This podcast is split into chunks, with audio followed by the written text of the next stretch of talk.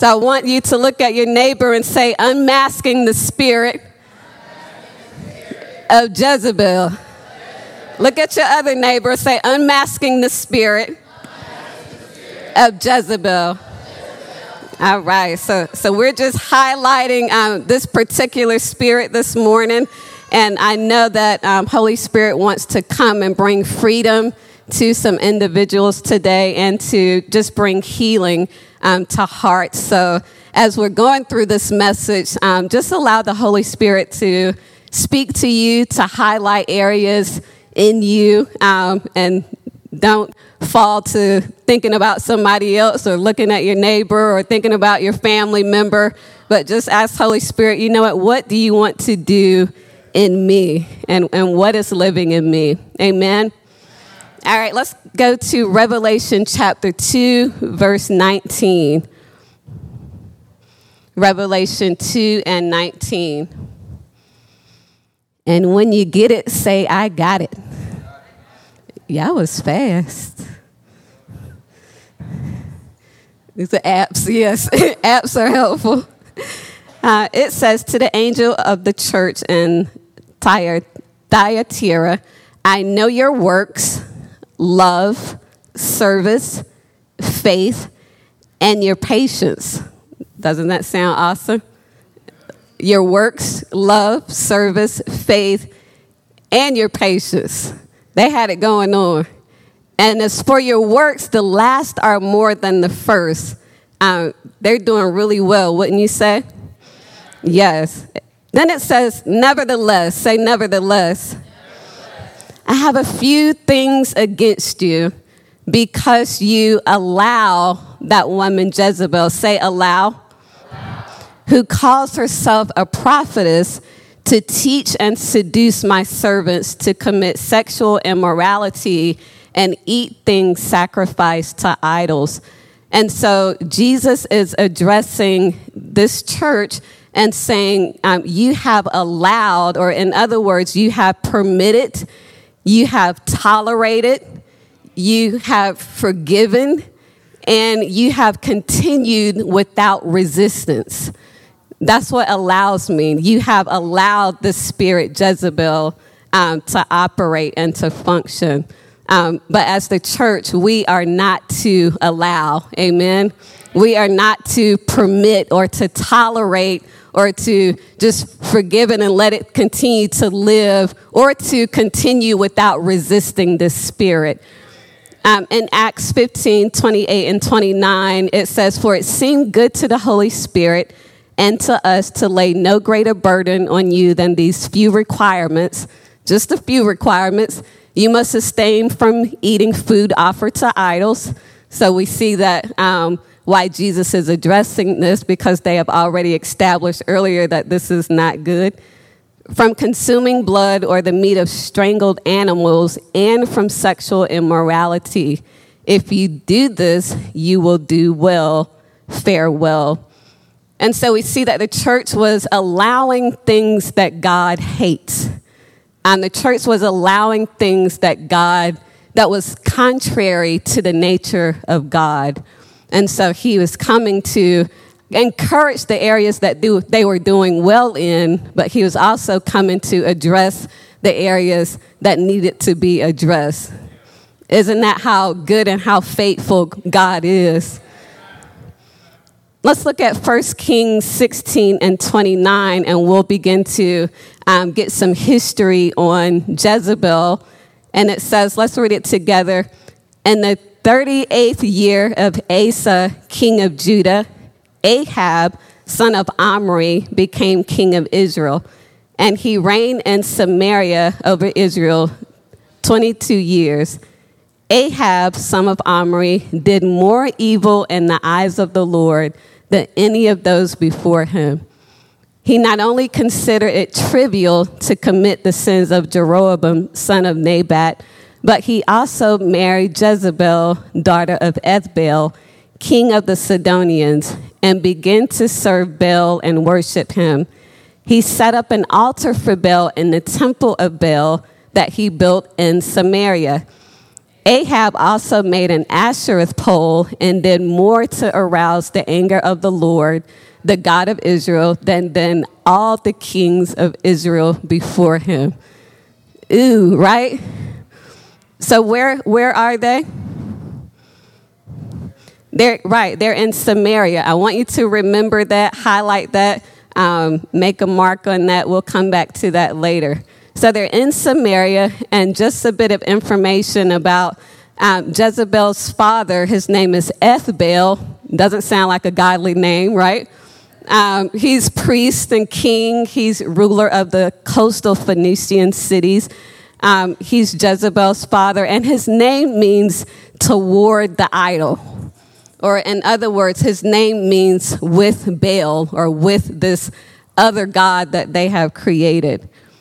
And Baal is a lord, a master, um, husband, a nature god, um, and thought to be the god of fertility. And so this is the god that they chose to build and to worship. And Jezebel's father is also king of the Sidonians. And Sidonians means to catch in a trap or a snare. Um, and there is much sexual perversion. There is gender change among this people, gender equalization, and also the sacrifice of children. And so you can see how easily this same spirit is operating in our culture and in our society today. Um, Ashereth, um, it says that he made an Ashereth pole, and this was um, directed to the goddess of war, queen of heaven, the goddess of fertility, and they offered children, children for sacrifice. Um, they had male and female prostitutes, and they believed that this goddess could change male into females and females into males. Um, and they would wear clothes kind of half feminine and half masculine. So we can see how the spirit is still operating um, in our society. And then as we get to Jezebel, we see that we see how awful her father was, and now we see the same spirit operating in her as a princess um, and a woman in a prominent position. Her name means where is Baal? And her name also means without cohabitation. Somebody say without cohabitation. I want to tell you this morning that the devil comes to kill, steal, and destroy. Um, and so the spirit of Jezebel has not come to cohabit with you, but to kill, to steal, and to destroy. And so I want to tell you that the enemy does not play fair with you or with I, but he's coming not to just insert a little bad things or insert a little sin here and there, but he's wanting to take you out. He's wanting to take your life. He's wanting to take your children and your family and your legacy. He's not coming just to um, kind of slide in. He's after your whole life. Look at your neighbor and say, Your whole life. And so, this spirit, um, we have to be careful as the people of God that we don't open the door to the spirit because it begins to manifest itself in rebellion and in manipulation and in control. Um, and so it as we open the door, it begins to manifest through our personalities. And so we are to uh, not cohabitate or not uh, make sure that we be a people that resist the spirit. And it's very interesting that Jezebel influenced King Ahab now, not if he wasn't awful enough on his own, uh, but then the word says, and then, in other words, he had the audacity to marry this woman, Jezebel, who made things even, uh, I'm gonna say like my great granddaddy would have said it, worse, right? Just made it all the more worse. and so Jezebel influenced the king, King Ahab, just in the same way that today the spirit of Jezebel is influencing presidents, governors, vice presidents, and people in authority and leadership and power um, to facilitate evil agendas. Amen. from, uh, from legalizing things that God hates, from abortion. Um, CJ was sharing Monday night at prayer that over 60 million babies have been aborted since the 1970s. Spirit of Jezebel, right? Spirit of Jezebel. And we see through our leaders, this spirit um, is in operation. But can I tell you something this morning? Jesus wasn't talking to the kings or the presidents or the people in the society in Revelation 2. He was talking to the church, right? So he was saying, you know what? If you, tolerate, if you tolerate Jezebel in your own life, in your own relationship, in your own marriage, in your own church, how on earth are you going to defeat Jezebel operating in your society? And so this morning, what we're doing is saying, God, come and evaluate me. Because in, if this spirit is living in me, if it's attaching itself to me, then I want to be free this morning so that I can be a person that helps change my city so that I can help be a person that changes my family, so that I can be a person that helps do something about what's going on in my nation. Because it's not enough to just watch the news and talk about it, but we want to be a people that allow God to do something deep on the inside of us so that we can be change agents in our world. Amen. So Proverbs 4 23, it says this it says, Keep your heart with all diligence, for out of it spring or flows the issues. And the word keep means to guard, protect, watch over it. And the issues are the boundaries of the things that you allow and disallow. And so, am I going to allow certain things in my heart? Or am I going to be a good steward and keep my heart with all diligence. Like with, with everything there's in me, I'm to keep my heart, to watch over it, to protect it. Let's look at a few people um, in the Bible. We're going to start with Samson, and we're going to look at how the Spirit has um, kind of overtaken them and influenced their life. So, Samson was a Nazarite so his parents made a covenant with God um, on behalf of their son, and he was not to drink any strong drink. He was not to cut his hair, and he was not to go near anything unclean. Um, he was also a judge. This joker was bad, okay? He was strong. He was strong like Jerry Masson, okay? He was that kind of strong. He had like a supernatural God ability um, in him. And so he slayed a lion with his bare hands. Anybody done that in here? Okay, yeah, me either. Um, he, he took out an entire army of a thousand Philistines with the jawbone of a donkey. Somebody say he was bad.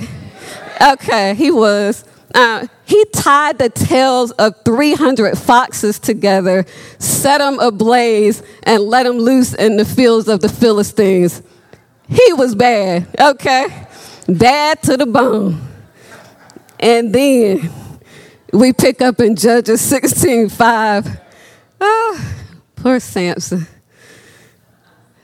Uh, and it says, this is um, this is um, getting into where Delilah comes into the picture.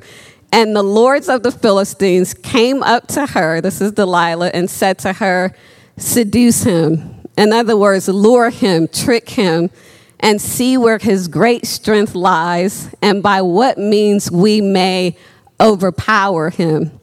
See, the Spirit wants to overpower you, that we may bind him and afflict him or subdue him so the spirit isn't come isn't coming to play games, right? They're looking to overpower, to bind him, and to afflict him. Um, and it says, and we will each give you 1,100, 1,100 pieces of silver each. I don't even know how many they were, but that's a lot of money, okay? So she was ready. Um, and then verse 16, and when she pressed him hard with her words, day after day and urged him. His soul was vexed to death. She worried the mess out of him, right? The NLT says she tormented him with her nagging day after day until he was sick to death of it. Woo! Don't don't do that, okay? Don't do nobody like whew, that just worries my soul just reading it. So I want to tell you that we have an adversary, right? That comes to us day after day, night after night with accusations, with lies about our identity, uh, saying, You're not this enough. You're, you're not holy enough. You're not godly enough. You're not tall enough. You're not uh, sanctified enough. Uh, you're not skilled enough. They come with all of these accusations. Uh, you, you don't deserve this. You don't deserve this relationship with God. You don't deserve whatever it is, fill in the blank. God doesn't love you, He loves such and such. All the accusations that come day after day after day. Nobody loves you. Um, you you're not a good mom because of this. You're not a good dad because of this. You're not a good friend because of fill in the blank. And so we see the accusations that come to us day and night and night and day. And verse 17 says, And he told her all his heart and said to her, A razor has never come upon my head, for I have been a Nazarite to God from my mother's womb. If my head is shaved, then my strength will leave me, and I shall become weak and be like any other man. So we see that Samson did not guard his heart, he did not keep his heart. Instead, and I'm like, he was strong, but he was not the smartest because Delilah did the same thing over and over and over. Bound him. He told her what she thought the secret was. He wake up bound. You done done that several times, um, Samson. Like, does something click to say, uh, maybe she doesn't have my best interest at heart? I'm just saying. I'm just reading. Right, yes. He didn't think about that. But that's what happens when you're living outside of accountability, right? We make some really stupid decisions and fall into some really crazy traps that the enemy has set for us. And so that's why the family of God is important. Um, and it says um, that he would be like any other man. I want to tell you that God did not call you to be like any other man, He called you to be different. He called you to, uh, to be a purpose carrier and a destiny carrier. He called you with great purpose and value on your life. So you're not regular. You're not like any other man. And so in verse 19, it says, Then she lulled him to sleep on her knees and called for a man and had him shave off, shave off the locks of his head.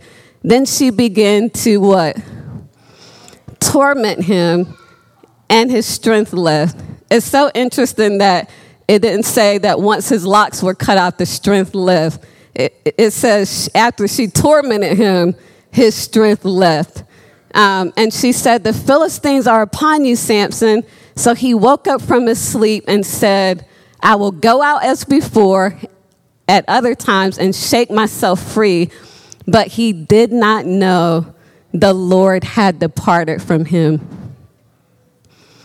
So he finds himself in one of the most dangerous and scariest places that you can ever find yourself in, of being so comfortable, of being so entangled with the spirit of Jezebel, of outside of accountability. And he didn't even have a clue that God had departed from him. Isn't that scary? Isn't that an awful place to be? That's not it. Verse 21 says, Then the Philistines took him. So now he's captured and put out his eyes. He has no vision. And brought him down to Gaza. They brought him with they bound him with bronze fetters, and he became a grinder in the prison. So now he's taken captive. Now he has no sight, no vision. Um, he's bound in chains, and he's given a slave position when he was called to be a son. So let's look at the progression of what happens. This covenant Nazarite man gets into this relationship um, in an unwise way, not a good choice, no accountability. He did not guard his heart. His soul became vexed and tormented. He told all of his heart. He was tormented to the point that he had no strength left. And then the Lord had left him, departed from him, and he had no clue, clueless. Um, now he's captive with no vision and a skewed identity. This is what the spirit of Jezebel is after. So there are people that have been taken captive, that have no identity, that have no vision, that have no vision for their lives, that have no vision for their families, that have no vision for their future. And this is exactly what the spirit of Jezebel wants to take you captive because again, this spirit isn't coming to cohabitate with you. It's coming to steal, to kill and destroy, to steal your vision, to steal your identity, and to leave leave you tormented with nothing left, not knowing who you are. When you're called to be daughters and sons of God, when you're called to walk in the authority of God, when you're called to live in the presence of God, and everything that He's known is now departed from Him, and now He's living like a slave, but He's called to be a son. Unwise decisions Let's look at Sarah in Genesis 15. So in Genesis 15, God tells Abram, He's like, Look, your servant will not be your heir. Okay? You will, you will have a son of your own. He tells him this, chapter 15. And he says, Look up at the stars in the sky. This is, you can't even count them. So will your descendants be. Right? We together? Let's look at verse 16. God just said this up in the above chapters, okay? Now Sarai, Abram's wife, had borne him no children, but she had an Egyptian slave named Hagar. So she said to Abram, the Lord has kept me from having ch- the Lord has kept me from having children. Right? Ain't that how we do? Okay. Go sleep with my slave. Perhaps I can build a family through her. Abram agreed to what Sarai said. So Abram had been living in Canaan 10 years. Sarah, his wife, took her Egyptian slave Hagar, gave her to her husband to be his wife. And so we see Sarah here. Did she have children yet? No. Does God allow us to have children? Yes. But you know what? In her waiting, she became bitter. She became offended at God.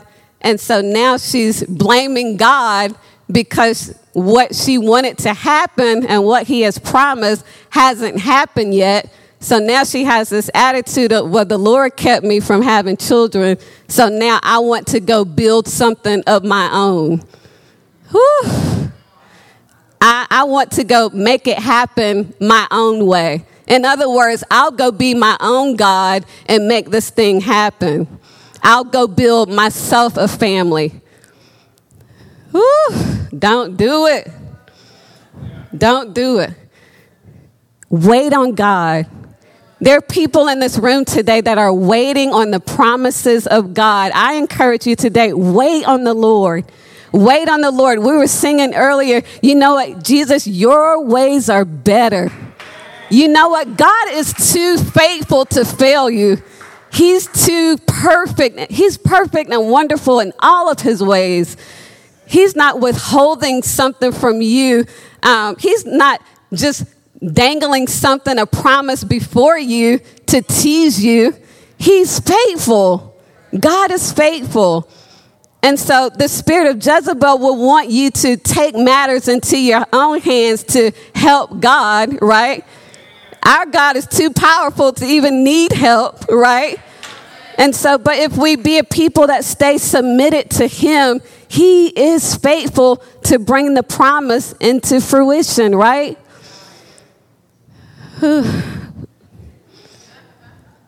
so, Abram slept with Hagar. She conceived. When she knew she was pregnant, she began to despise her mistress. Um, verse 5 Then Sarah said to Abram, you, you are responsible for the wrong I'm suffering. You did this to me. What? So then we have the blame game, the same as what we had in the Garden of Eden. Uh, God, you gave me the woman. Uh, God, you put me in the garden. You know, everybody's pointing the finger at everybody else, but nobody's looking at their own heart saying, you know what? Ooh, I allowed this ugly thing in. Jesus, will you come um, and get it out? So the blame game, I put my slave in your arms, and now that she knows she's pregnant, she despises me. May the Lord judge between you and me. Really? This is where it was. Your slave is in your hands, Abram said. Do with her what you think is best. Then Sarai mistreated Hagar, so she fled from her. And so we see this progression. Sarah, woman of God, woman of faith, um, grew offended, tired of waiting on God, operated out of a spirit of control, uh, rebellion, put herself in the position of God, decided she's going to build something on her own, build her own family. Now she's despised by Hagar, and now she has these torn relationships. Don't you know that that put a tear in her and Abram's relationship? Don't you know that put a tear in Abram's and the son's relationship? And now we have a whole nation of Islam because she decided that she was going to build her something outside of the will and obedience of God. This is powerful. Our, our decisions are powerful. They don't just affect us, they affect our families, they affect our cities, they affect our, our legacy. Down throughout the line, these decisions that they made are still affecting us now. But you know what? When we make God decisions and choose to surrender, those things also affect our legacy and our generations, and they affect our city and our nation. Let's look at Saul in 1 Samuel 15, chapters 10 through 12. It says, Then the Lord said to Samuel, I'm sorry that I ever made Saul king, for he has not been loyal to me and has refused to what? He's refused to obey my command. Samuel was so deeply moved. This is a man of God. When he heard this, that he cried out to the Lord all night. Early the next morning, Samuel went to find Saul. Someone told him Saul went down to, to Carmel to set up a monument to himself. What was you doing? Then he went on to Gilgal, um, chapter 15, verses 17 to 23. And Samuel told him, so he thought he was doing something, right? He was like, I did, I did what the Lord told me. I'm good. Let me set up this monument to myself. Um, so when Samuel comes to approach him, he's like, What? I, I did what you told me to do. So Samuel says, Although you may think little of yourself, isn't it interesting that he's addressing his identity and how little he thinks of himself? because only a person that thinks little of themselves will even go their own way, right? Are you not a leader of the tribes of Israel? The Lord has anointed you king of Israel. Why haven't you obeyed the Lord? Why did you rush for the plunder and do what was evil in the Lord's sight? But I did obey the Lord, Saul insisted. I carried out the mission he gave me. I brought back King Agag that's not what the Lord said. Uh, but I destroyed, but I destroyed everyone else. You see the mixture here? God said, destroy everything. But, but I brought you back the king, and I also gave you some offerings and burnt offerings and sacrifice. And God is like, that's not what I told you to do. That's not what I told you to do. And Samuel says, What is more pleasing to the Lord, your burnt offerings and sacrifices, or your obedience to his voice? Listen, obedience is better than sacrifice, and submission is better than offering the fat of rams. Rebellion is as sinful as witchcraft, and stubbornness as bad as worshiping idols. So, because you have rejected the command of the Lord, he has rejected you as king. So, the person that was the king um, is now being rejected because he allowed, did not guard his heart, allowed the spirit um, into his heart. And so now he's rejected. There's a quote um, that says, All conscience disobedience is actually idolatry because it makes self will, the human I, into a God. The root of control and manipulation is rebellion. And rebellion is disobedience, non conforming, defiance. And when God has made himself clear to you if you willingly choose to disobey, you also willingly choose to be led by another spirit. When you choose to disobey, you choose to be led by another spirit. Father, help us to obey. Help us to obey no matter what. So, as we look at Saul's progression, he goes he, he just didn't start well. He started at disobedience. He set up a monument to himself. Uh, his identity and thinking is skewed because he's thinking of himself small. And not only that, we see um, because of his disobedience, he brought Agag back to the camp. And now Haman is a descendant of Agag. And we know that Esther had to fight against Haman years later. And so now his legacy, the descendants are having to fight against principalities and things because of his disobedience. Um, Samuel had to kill Agag. So, what was the job of um, Saul now became the job of Samuel because he was not obedient. If you're not obedient, somebody else has to do your job.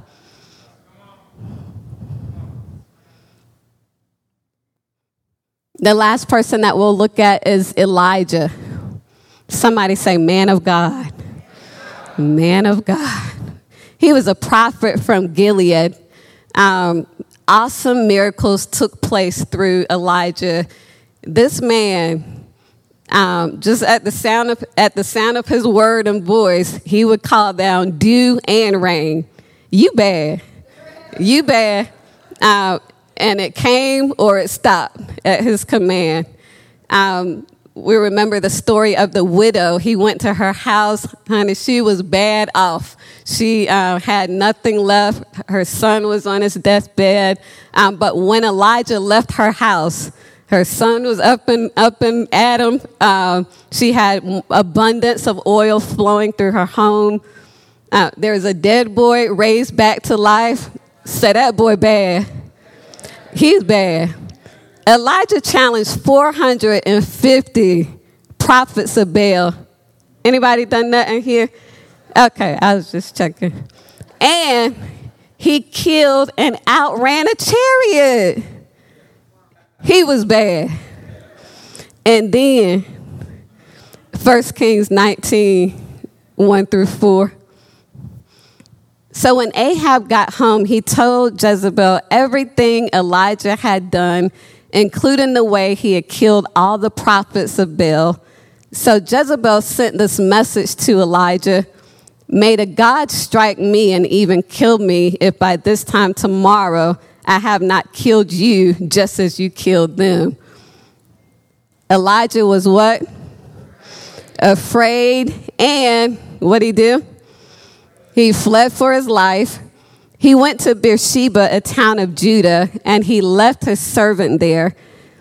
Then he went on alone into the wilderness, traveling all day.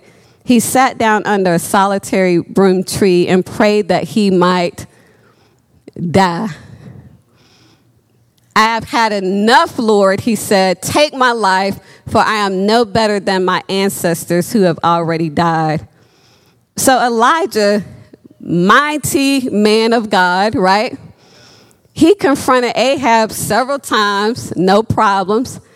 But at this one message, she didn't even come to him herself. She sent a message to him. At this one message that I'm going to kill you, now he goes through this progression. So now he's vexed by the spirit of Jezebel. He's filled with fear, and now his perspective of God is distorted. So now he's no longer standing in the office of a prophet and the call of God that God has called him to.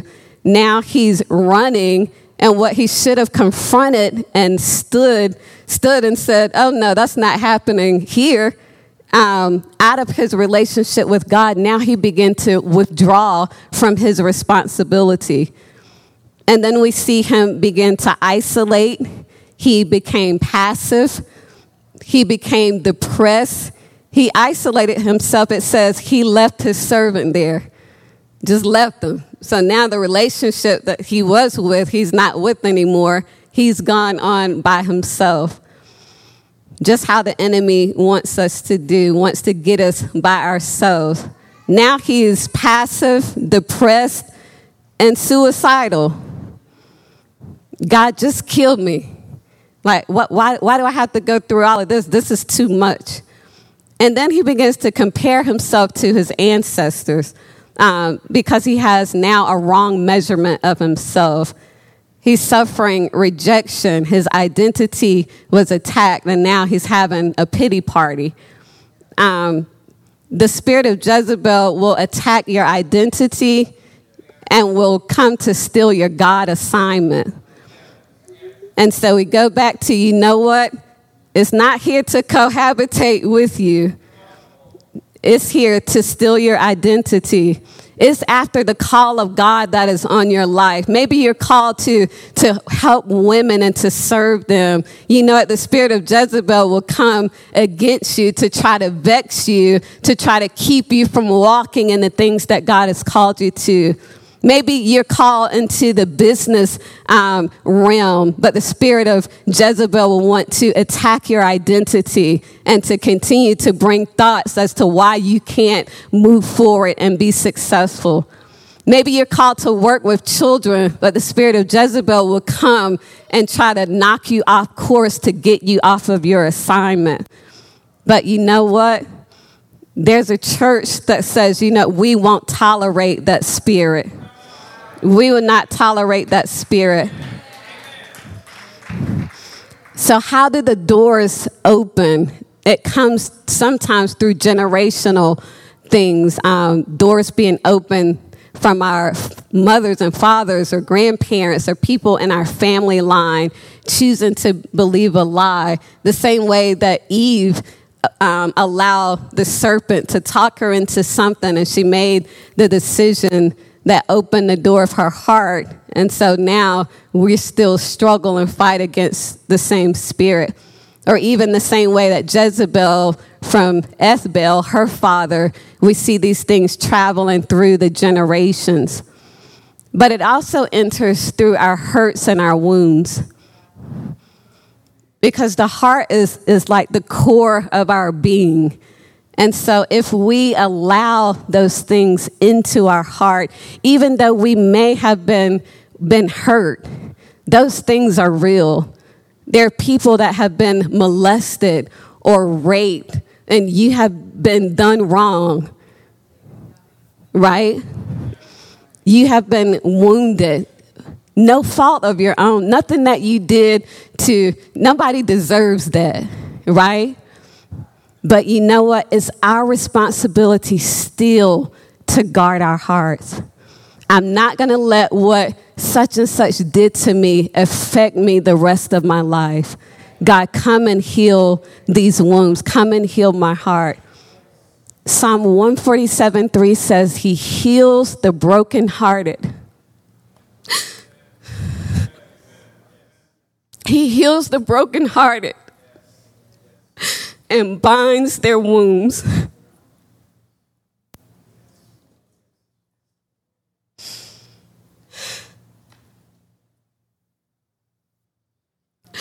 Brokenhearted means to be broken means that somebody has just walked and walked and walked and walked over your heart to the point that has created this rut, this indention in your heart. Broken. There's so many things that leaves us broken. It can be abandonment from your father or mother it could be so many things. It could be a divorce. It could be um, breakup of a relationship. It could be so many different things. But you know what? Jesus heals the brokenhearted. And he binds up their wounds.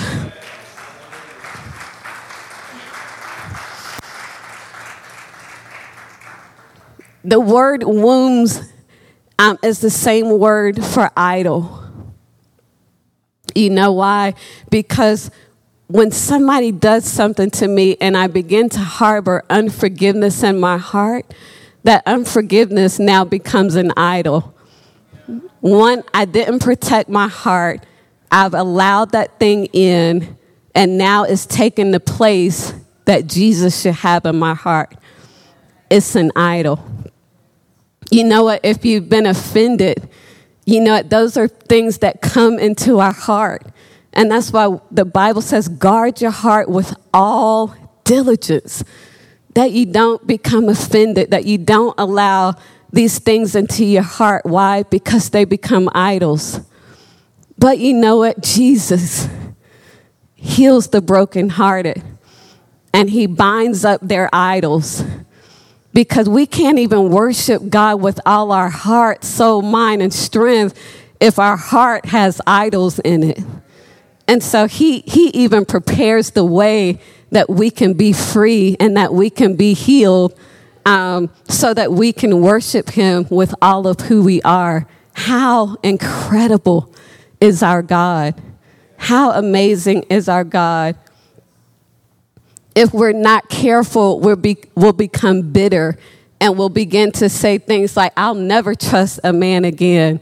I'll never trust a woman again. I'll never share my feelings again. And we begin to make vows and come into agreement with things that aren't God, right?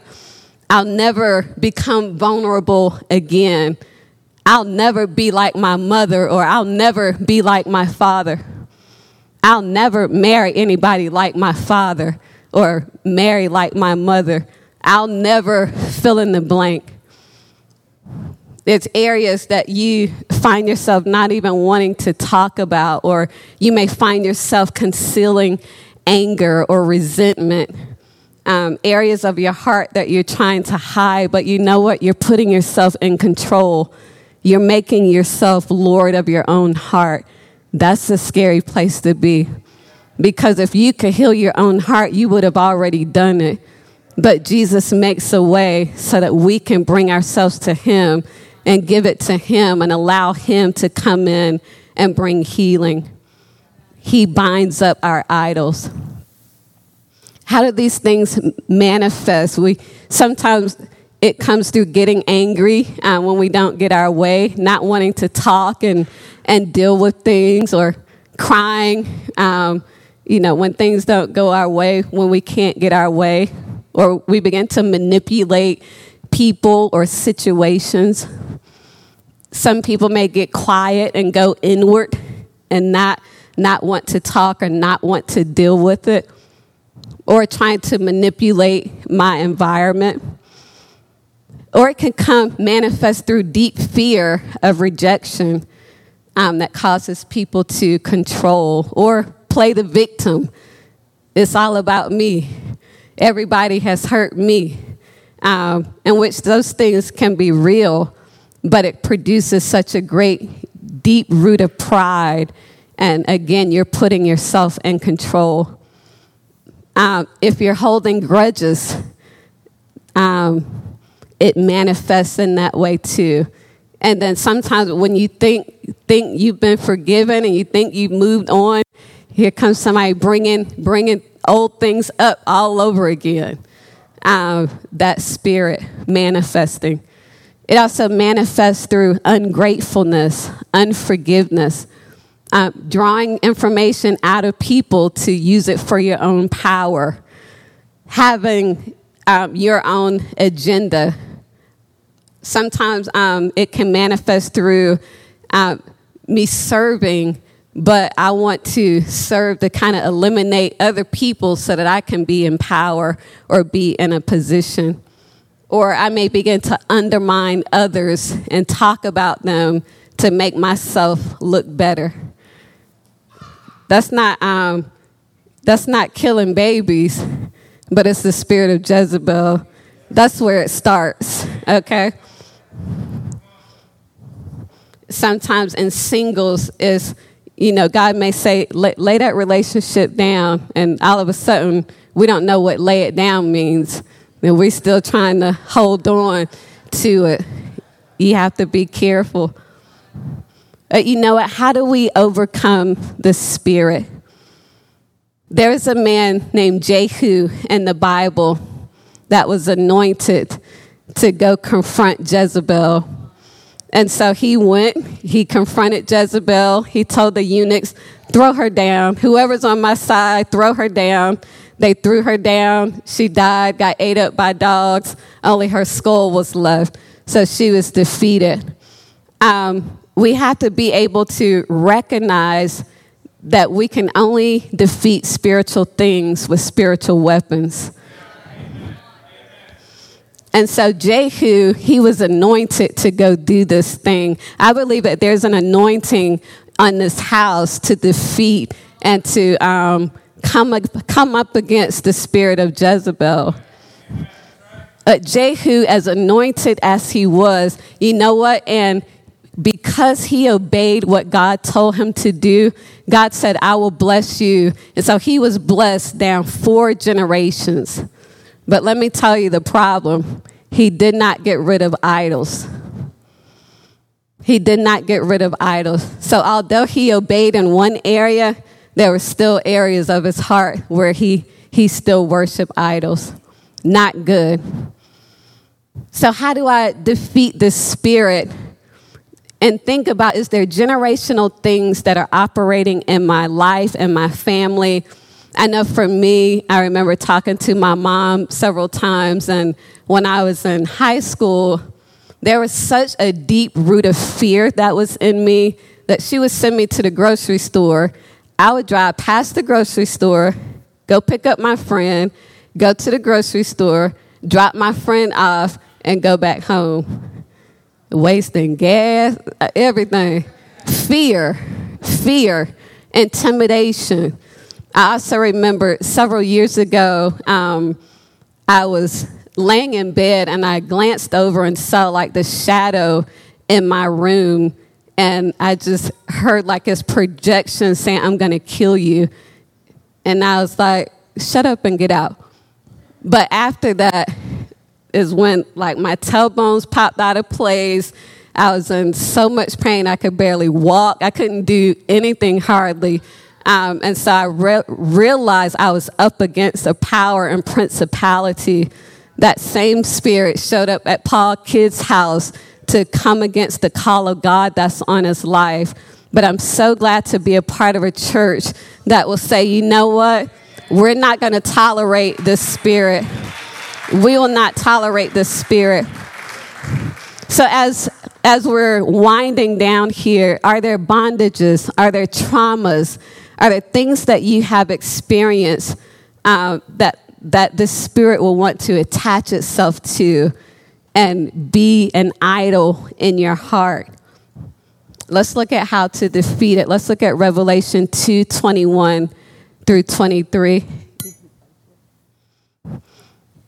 And it says, I gave her time to repent of her sexual immorality, and she did not repent.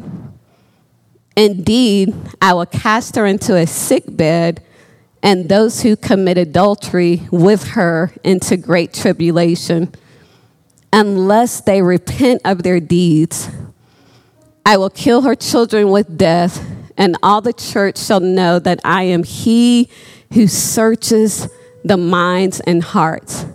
And I will give to each one of you according to your works. Do you know how gracious God is?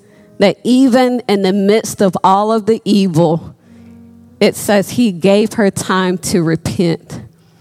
And you know what? He's so gracious and so faithful that even, even through, no matter what you've done, it doesn't matter.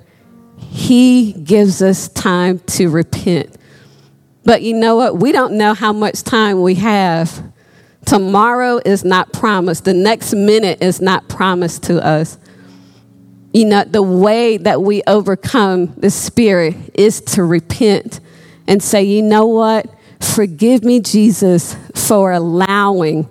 Forgive me for not guarding my heart. Forgive me for um, coming into alignment with the Spirit. And you know what? Jesus wants to heal broken-hearted, broken hearts. And he also wants to bind up every idol um, that lives in our heart. And so today, will you allow Jesus, will you allow Jesus to have those areas in your heart? It's so beautiful. I said, remember Samaria. Remember, Jesus said, I have need to go through Samaria. So when he went to Samaria, he encountered a woman there who was living under the influence of Jezebel because she had gone from man to man to man to man to man. But you know what? She had an encounter with Jesus. And through her encounter with Jesus, she had a broken identity she had no clue about who she was called to be. She wasn't walking in her God assignment. But you know what? She had an encounter at the well with Jesus, and her life was never, ever the same again. And so this woman left Jesus and she went into Samaria, the same place that Ahab and Jezebel had ruled and reigned in. And she began to turn a city upside down. She then began to walk in her purpose and she began to walk in her calling because she had an encounter with Jesus. And you know what? Jesus is here today to encounter us, to free us, to heal us because it's not just about us being healed and us being free. It's about us being able to walk out of here and go impact our families. It's about us walking out of here and going to impact the world around us. It's about us going out and walking in our identity and the call of God that He has on our lives because there are people that are attached to what we're doing. There are people that are attached to the God assignments on our lives. There's generations that need to be impacted, not for the bad, but for holiness' sake, for God's sake, for the sake of His kingdom. And you know what? Through our submission to Jesus, He's wanting to do a great work in our nation. But he's not starting with the nation, he's starting with us as a people. So, you know what, today, if you're in this room or watching online and you're not saved, I want you to come to this altar because you're living as your own Lord, and that is the most dangerous place you could be. If you're here this morning and you're saying, you know what, I want to surrender my life, my heart to Jesus, Come now. Now is the time to come. But also, if you're here and Holy Spirit is moving on your heart to say, you know what? There's some things in me that I want Jesus to heal because he's faithful to heal the brokenhearted.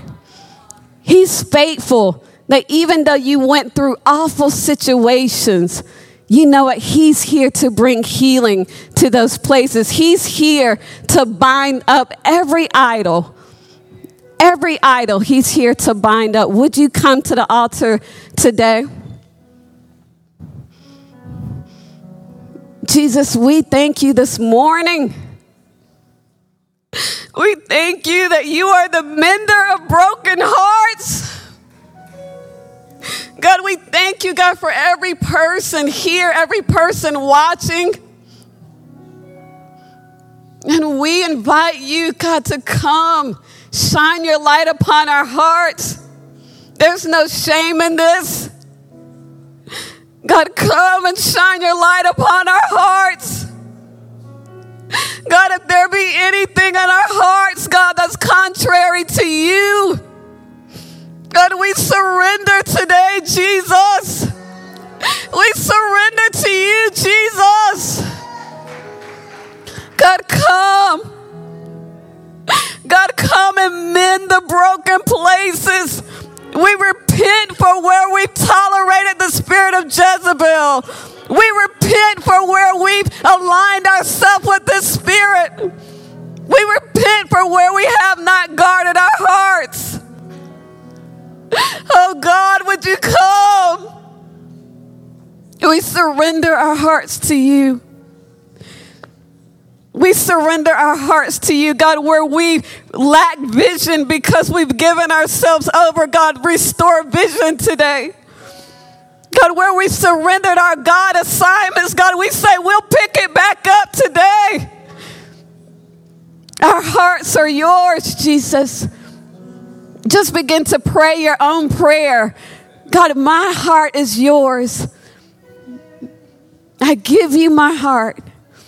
I give you every area the unforgiveness, the offenses, the stubbornness, the manipulation, the rebellion the pride.